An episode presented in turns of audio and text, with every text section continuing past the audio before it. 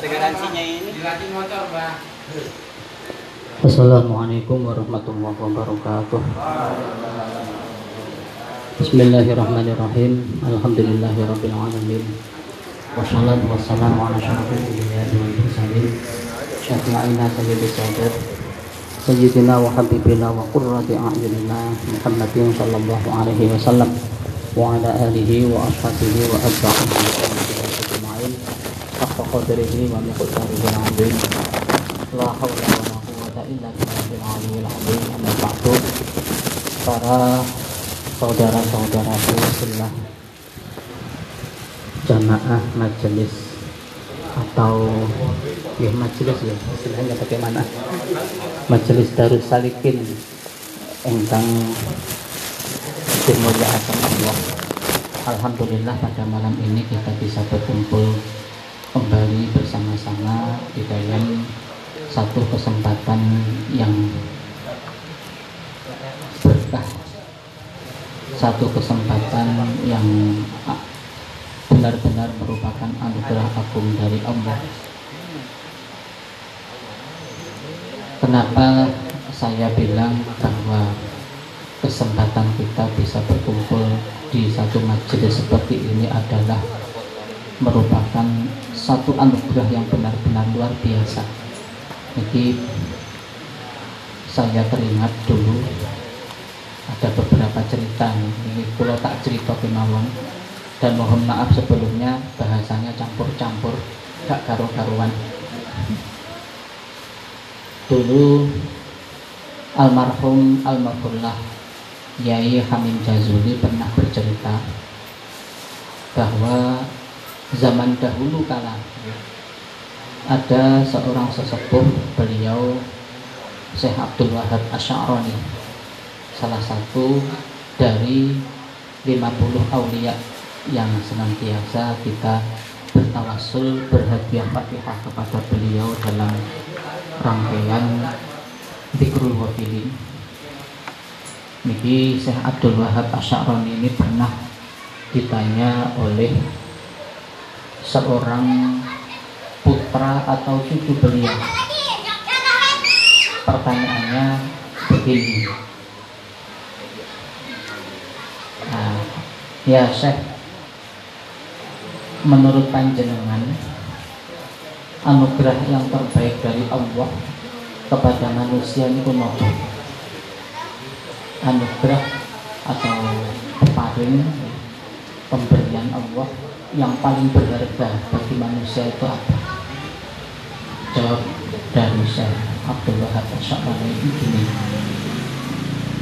Adapun anugerah yang paling baik adalah apabila seorang hamba diberi akal yang sempurna oleh Allah, akal sempurna.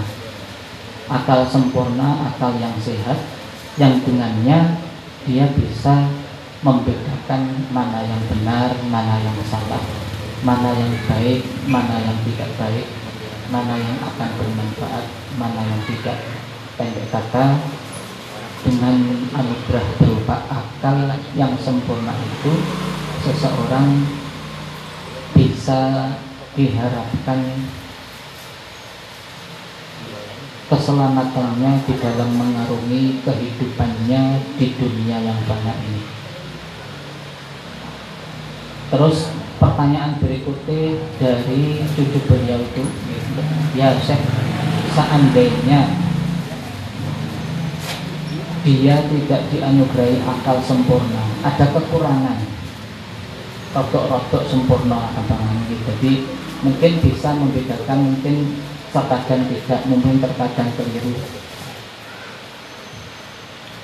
Kira-kira di peringkat yang kedua anugerah yang bagaimana? Yang merupakan anugerah terbaik dari Allah.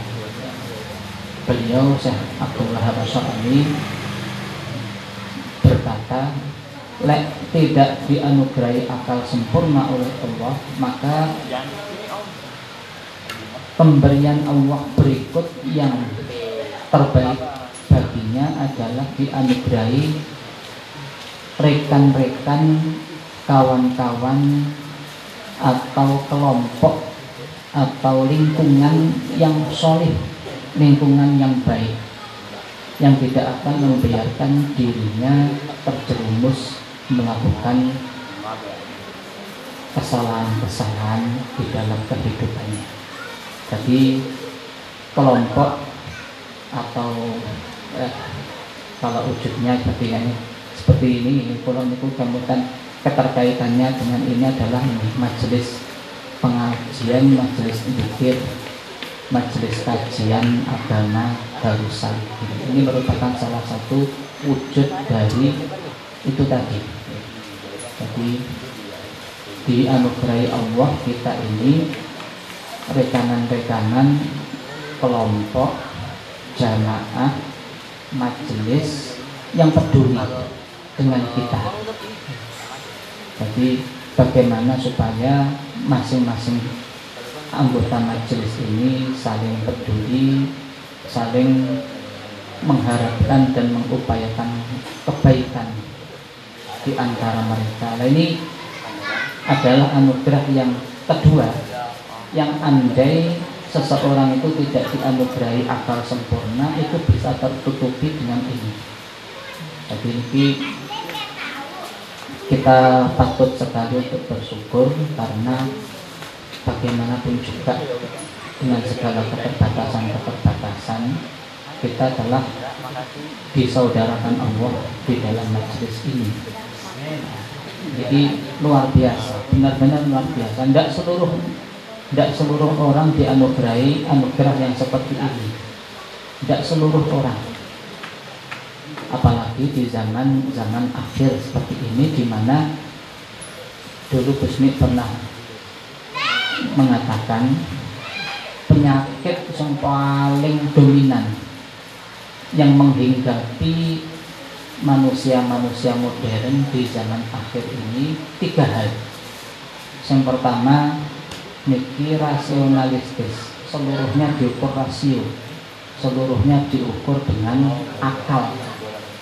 Pokoknya tidak masuk akal nonsen, tidak masuk akal pray. Padahal tegas di dalam Al-Quran disebutkan alif lam mim dan kita la raiba fi hudan lil muttaqin alladzina yu'minuna bil ghaibi wa yuqimuna shalah wa mimma razaqnahum yunfiqun. Yu'minuna bil ghaibi al ghaibu itu sesuatu yang sama atau bisa kita bahasakan lain sesuatu yang tidak bisa kita nalar. Gaib surga, neraka, malaikat itu gaib tidak masuk nalar kita. Nah, celakanya kita-kita yang hidup di zaman modern ini sebegitu mengabung-abungkan akal sehingga hal-hal yang tidak masuk akal menurut kita kita anggap tidak ada kita anggap itu sesuatu yang salah kita anggap itu sesuatu yang tidak mungkin padahal Quran menegaskan salah satu pilar dari keimanan itu adalah percaya terhadap yang gaib. Jadi ada bagian dari agama yang bisa kita nalar, ada bagian dari agama yang tidak bisa kita nalar, tapi harus kita percaya.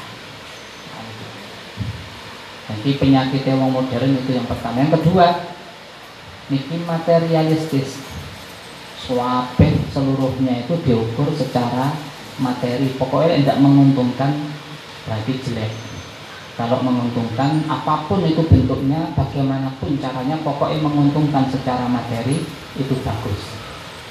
Itu juga penyakit ya. terus yang ketiga ini yang kaitan ini dengan yang tadi saya sampaikan penyakit yang sangat dominan yang merupakan ciri manusia modern itu adalah individualistis. Yang penting aku ini tidak penting. Yang penting aku senang yang penting aku menang yang penting aku tidak mengalami kesusahan perkara orang lain yang mengalami bukan urusan saya. Jadi pun menggejala pun di seluruh strata jadi bisa kita rasakan. Nah, di tengah-tengah zaman yang sudah sedemikian rupa kok kita ini masih dipertemukan dengan saudara-saudara yang saling peduli? Betapa itu adalah hal yang benar-benar luar biasa. Tidak semua orang tidak semua orang dianugerahi anugerah yang seperti ini apalagi kemudian setelah sekian lama panjenengan-panjenengan ini berkumpul menjadi satu, menjadi saudara di dalam majelis pikir, majelis ilmu, majelis kajian Darus Salikin, terus kemudian ketemu lagi dengan kelompok persaudaraan yang lebih besar. Majelis Istimewa Al-Quran, Mantap, Wali Purwodini. Ya Alhamdulillah malah semakin itu merupakan fakta konkret belas asih Allah kepada kita apa pun realita kita saat ini keterbatasan kekurangan segala yang apa yang ada pada kita ini ele-eleo tetap kita ini oleh Allah masih dikehendaki untuk mendapatkan kebaikan-kebaikan yang luar biasa. Jadi makanya perlu sekali kita memfaktakan syukur telah dianugerahi peparing yang luar biasa seperti ini. Ojo diilang-ilang no. Jadi seperti yang dulu pernah saya sampaikan pancen jenenge wong akeh kita ini berkumpul bersama dengan orang banyak tapi like, sudah kelompok kumpulan kita ini kelompok yang selektif maka seharusnya tidak terlalu nopo jadi ya tetap ada gesekan tetap ada pasti itulah karena wong orang banyak pasti pikirannya banyak kepentingannya juga macam-macam keinginannya juga berbeda-beda. Peluang gesekan itu ada tapi saat banter-banter gesekan itu tidak akan sama ketika kita tidak berada di dalam lingkungan yang selektif. Karena kita selektif kepentingan kita mayoritas sama tujuan pokok kita sama maka gesekan-gesekan yang terjadi itu seharusnya tidak terlalu menjadi persoalan. Jadi kita hayati saja gini dulu pernah saya sampaikan wadah kumpul-kumpul kita di majelis ini kita hayati seperti mesin apa itu selek. Selek padi-padi berasal dari gabah itu menjadi padi tidak dengan caranya dikupas satu persatu sebutir demi sebutir tidak. Tapi bersama-sama dimasukkan ke dalam mesin selek itu di dalam mesin selek itu antara padi yang satu butir-butir padi yang satu dengan yang lain saling bergesekan sampai kulit ari yang membungkus padi itu wow mengelupas. Sehingga ketika keluar dari mesin itu sudah menjadi beras. Pokoknya ini jadi selama panjenengan betah selama panjenengan mau bertahan selama panjenengan mempunyai semangat untuk memperbaiki diri lewat wadah majelis ini secara khusus atau yang lebih luas lagi secara umum di dalam kelompok persaudaraan yang lebih besar semisal kegiatan istimewa Al-Quran dan lain insya Allah insya Allah pokoknya betah ya sedikit demi sedikit kita akan menjadi pribadi-pribadi yang akan lebih baik dari sebelumnya. Pokoknya betah ya. Tapi lek umpama ndak betah hanya gara-gara tersinggung temannya hanya gara-gara rodok disentil oleh temannya terus kemudian napa oleh ngarini wong Jawa napa nyeklek jegot napa mutung. Ya ibarat butir padi itu ya selamanya akan tetap menjadi bulir padi. Tidak akan pernah menjadi beras krono mencelak songkok mesin selempang jadi akhirnya goro-goro apa ya, saling apa itu mengejek umpamanya. Goro-goro saling guyonan karena waktu kebantaran sedikit tersinggung akhirnya terus aku tak kumpul-kumpul mana. Ya wes berhenti sampai di situ tapi kalau betah betah.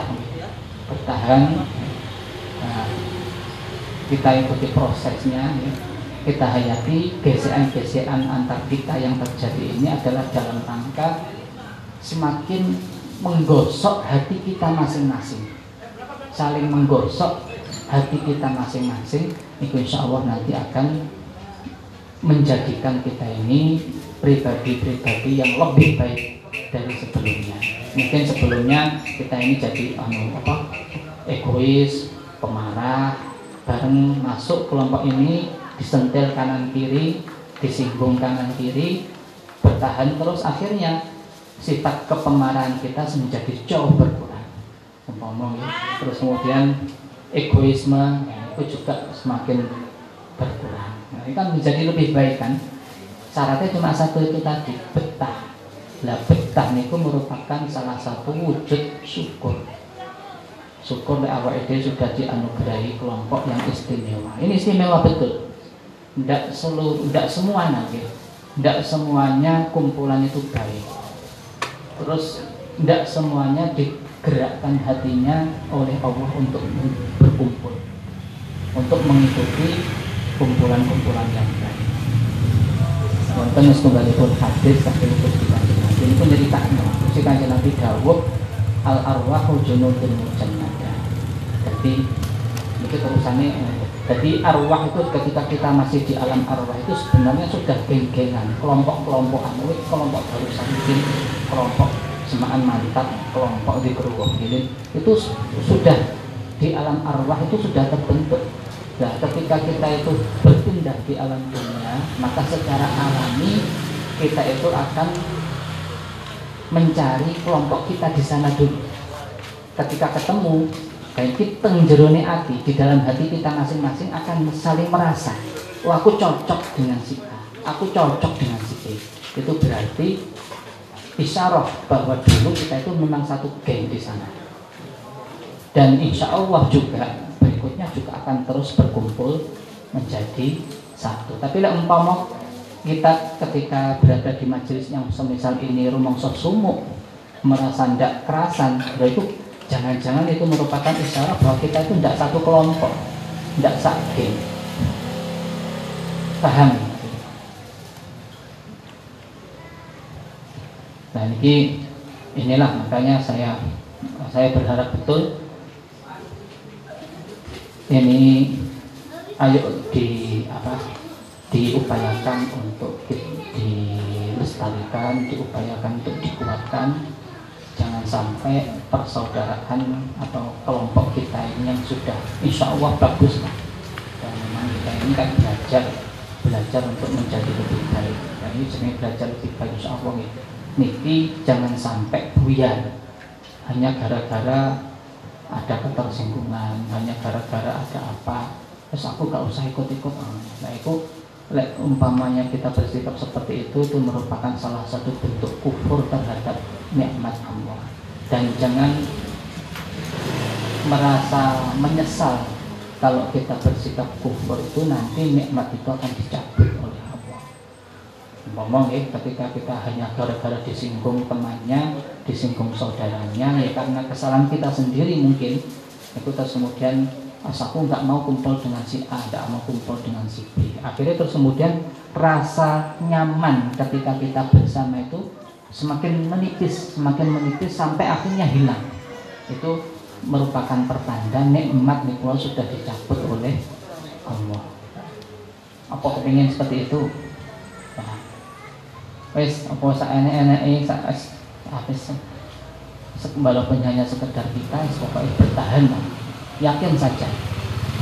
Insya Allah nanti kita itu akan bisa berproses menjadi pribadi-pribadi yang lebih baik. Terus ini berikutnya ada lagi pertanyaan dari cucu Syekh Abdul Wahab itu lanjutannya. Mbak kalau umpama akal sempurna dia tidak punya. Kelompok yang baik yang mau memberi nasihat, yang mau peduli ya juga tidak punya. Terus kira-kira apa? Peparing berikutnya yang bisa menutupi dua hal yang hilang itu tadi. Jawaban Syekh Abdul Wahab Asyarani kalau akal sempurna tidak punya teman yang peduli, teman yang baik itu juga tidak punya, maka peparing berikutnya yang bisa menutupi kekurangan-kekurangan itu kalau dia itu dikondisikan oleh Allah untuk tidak gampang usil lebih banyak diam lebih banyak apa ngalah lebih banyak nyingkreh ketimbang muncul menghindari dari hiruk pikuk. Rebutane wong-wong sing bodoh punya ambisi. Jadi nyingkreh minggir minggir. Meneng banyak diam tidak banyak bicara tidak banyak ya, pokoknya ngalah ya banyak ngalah. Itu akan bisa menutupi. Karena apa? Insya Allah orang yang seperti itu tidak akan gampang terjerumus untuk ikut-ikutan di dalam lingkaran dosa-dosa yang terjadi di sekelilingnya ngalah wis pokoknya mana ya contoh kecil lah gampangane umpamane ya usume kabeh orang-orang pada berebut berambisi untuk menjadi seorang tokoh, menjadi seorang yang mempunyai kedudukan sosial, menjadi seorang yang dikemukakan, dia lebih suka mengalah, dia lebih suka mundur, dia lebih suka. Dia kan tidak akan terjebak dengan kejelekan-kejelekan yang mungkin terjadi. Nah, terus kemudian terus niki terus pertanyaan berikutnya nih sing tersana. Mbah, terus niku lek saumpami akal sempurna dia tidak punya teman yang solih yang bisa mengingatkan yang peduli tidak punya untuk berdiam diri juga tidak betah kepinginnya usil kepinginnya juga turut turut terlibat rebutan dunia terus kira-kira apa lagi peparing atau anugerah yang terbaik? Jawabannya oleh itu semua tidak dia punya. Akal sempurna tidak punya teman tidak punya. Menahan diri dari ambisi, menahan diri dari banyak terlalu banyak berbicara juga tidak mampu famautun ajil Terus yang paling api indang-indang mati Dan gak kakek dosa. Paham ya? Nah ini nih Jadi Nanti Awal kita-kita ini Dilalah ya Oleh Allah diparingi anugerah. Setidaknya anugerah yang kedua. Tapi ojo dihilang-hilang no oleh hilang ya kita maka harus eh, akhirnya terus terpaksa yo aku mau ya. jadi ya setidaknya berupaya ojo sampai orang kebagian anugerah yang ketiga. Mulai wes jadi akal sempurna yang tidak punya kelompok sing baik saudara yang baik yang peduli yang saling mengingatkan tidak punya atau karena tidak betah. Terus kemudian untuk berdiam diri menahan diri nyingkrih no ambisi ngalah ya ora betah. Kepingin ngono ya melu-melu rebutan balung dengan yang saya ubi bahasa kanjeng Nabi anjing-anjing dunia. Ya wes maka yang paling api boleh dianugerahi ndang-ndang mati. Supaya nopo? Dosanya nggak kakean umpama kita itu harus mampir nang rokok gak suwe-suwe. Lah umpama niku wong ndak diparingi ngoten umur panjang umurnya itu habis untuk ikut-ikutan berebut bangkainya dunia ini melongso nih kegawan neng dunia ini pun melongso melongso ini melongso bahasa Indonesia ya. Sengsara. Di dunia itu dia akan sengsara. Tidak akan pernah terpuaskan keinginannya. Orang kalau kepinginannya itu dunia ini jenengan titeni panjenengan merasakan sendiri. Orang itu kalau keinginan yang dominan itu adalah dunia selamanya dia tidak akan pernah merasa puas. Selamanya. Gusti Kanjeng Nabi sudah menegaskan umpama Bani Adam itu dikasih oleh Allah memasak gunung.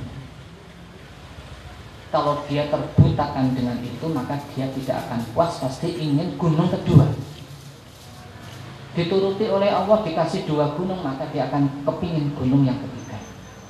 Dan itu terus akan begitu sampai berakhirnya umurnya dan dunia itu. Dan akhirnya yang dia dapatkan dari dunia itu adalah sekedar liang lahat yang ukurannya itu satu kali dua meter. Itu aja. Betapa banyak kita lihat. Nyun kalau kita berangan eh mungkin banyak juga contoh kita melihat bagaimana orang itu bekerja keras membanting tulang untuk ngumpul dunia sampai-sampai sebegitu bersemangatnya dia itu berupaya tidak peduli terus pokoknya aku kudu dapat aku harus menjadi kaya. Caranya bagaimana? Pokoknya tidak terus ngumpul semakin dia mengumpulkan semakin dia mengumpulkan tidak akan merasa semakin cukup tapi makin semakin kurang. Seperti orang yang haus minum air laut itu tidak akan merasa terpuaskan kehausannya bahkan akan semakin merasa haus. Itu dunia itu seperti itu. Akhirnya sampai pada satu titik ketika dia melihat dunia yang telah dikumpulkannya itu banyak tapi dia masih ingin lebih banyak pintu rumahnya diketuk oleh malaikat Israel SK-nya sudah turun, dia harus kembali. Akhirnya belum sempat dia menikmati dunia niku wau ya, akhirnya dunia ini ditinggal. Begitu dunia ini ditinggal, dunia yang dikumpulkan susah payah, bekerja keras membanting tulang, tidak peduli benar atau salah caranya. Akhirnya tiba yang banyak ahli waris dipencar-pencar mana. Yang gue kan menikmati ya sih umpamanya dinikmati wah dinikmati gitu mungkin saya rada nelongsone orang katek-katek gitu. tapi tidak begitu. Seringkali malah dunia itu menjadi pangkal pertikaian di antara para ahli warisnya. Gus dulu pernah bilang itu pada waktu 40 hari meninggalnya di Ahmad Siddiq ya memang benar orang yang sudah meninggal itu tidak bisa lagi menambah amal tidak bisa lagi terkena cipratan dosa atau mendapatkan pahala lewat dirinya. Tapi masih bisa tersinggung masih bisa merasakan susah masih bisa merasakan nelongso yang paling utama bila melihat anak-anak yang diharapkan mengingat mendoakan lalai dari yang diharapkan karena bersitegang berselisih antar mereka masalah dunia. Ini tuh paling susah-susah wong sing wis jero alam kubur itu seperti ini. Dengan tidak percaya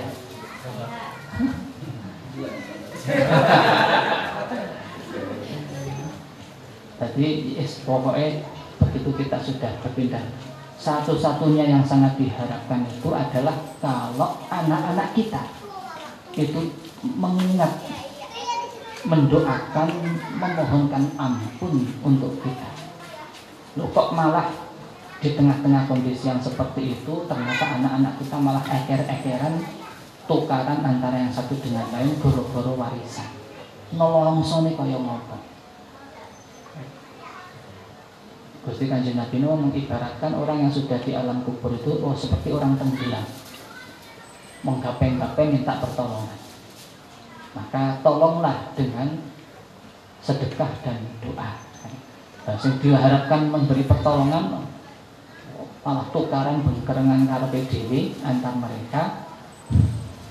Di depan mata orang yang minta pertolongan itu wow. Berarti ibaratnya seperti kita itu mau tenggelam sementara anak-anak kita itu ada di pinggir kali di mana kita tenggelam mereka tidak kelihatan peduli atau mencemaskan kita tapi malah saling berkelahi memperebutkan.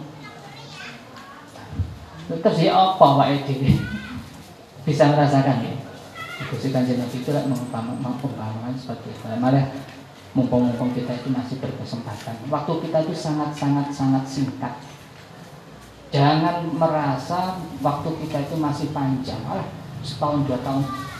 Oh cuma setahun dua tahun. Kalau panjenengan kepingin melihat seberapa cepat waktu jangan melihat yang belum datang. Tapi tengoklah yang sudah pergi.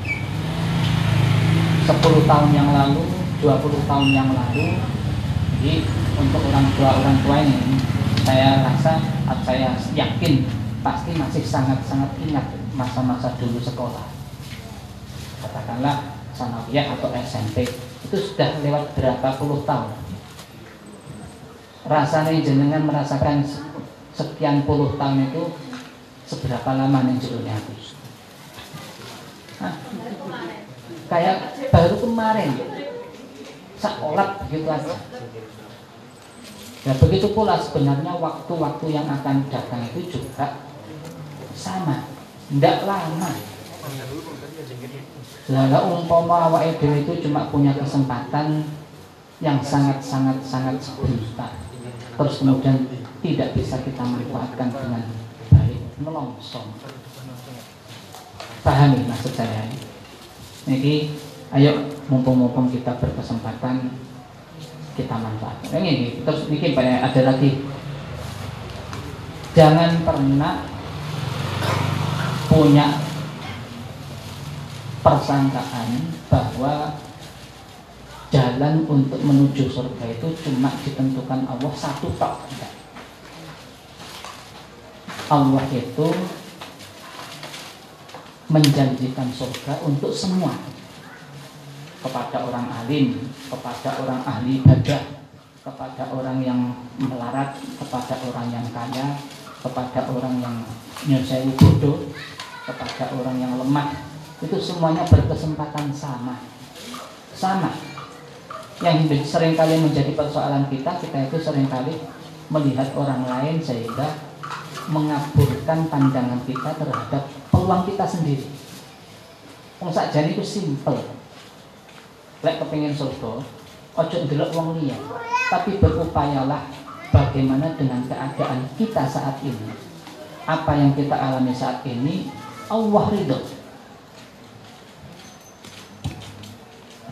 Paham maksudnya? Ditakdir melarat oleh Allah. Bagaimana aku ki melarat? Meskipun pun enak meskipun aku tidak senang enakku senangku tidak penting. Seperti pangeran itu ditakdir namanya.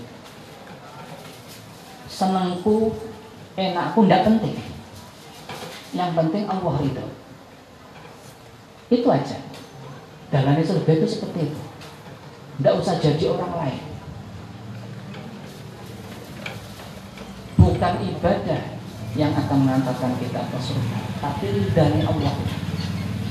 Ini yang menjadi PR kita. Iya caranya supaya Allah ridho melihat kita paham ya nah ini yang harus benar-benar kita anu, nah kita upayakan.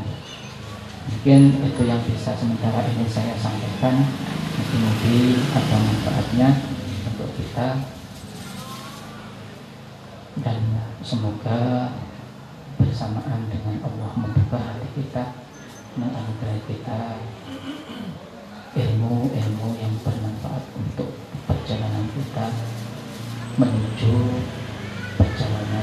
abadi. Al-Fatihah.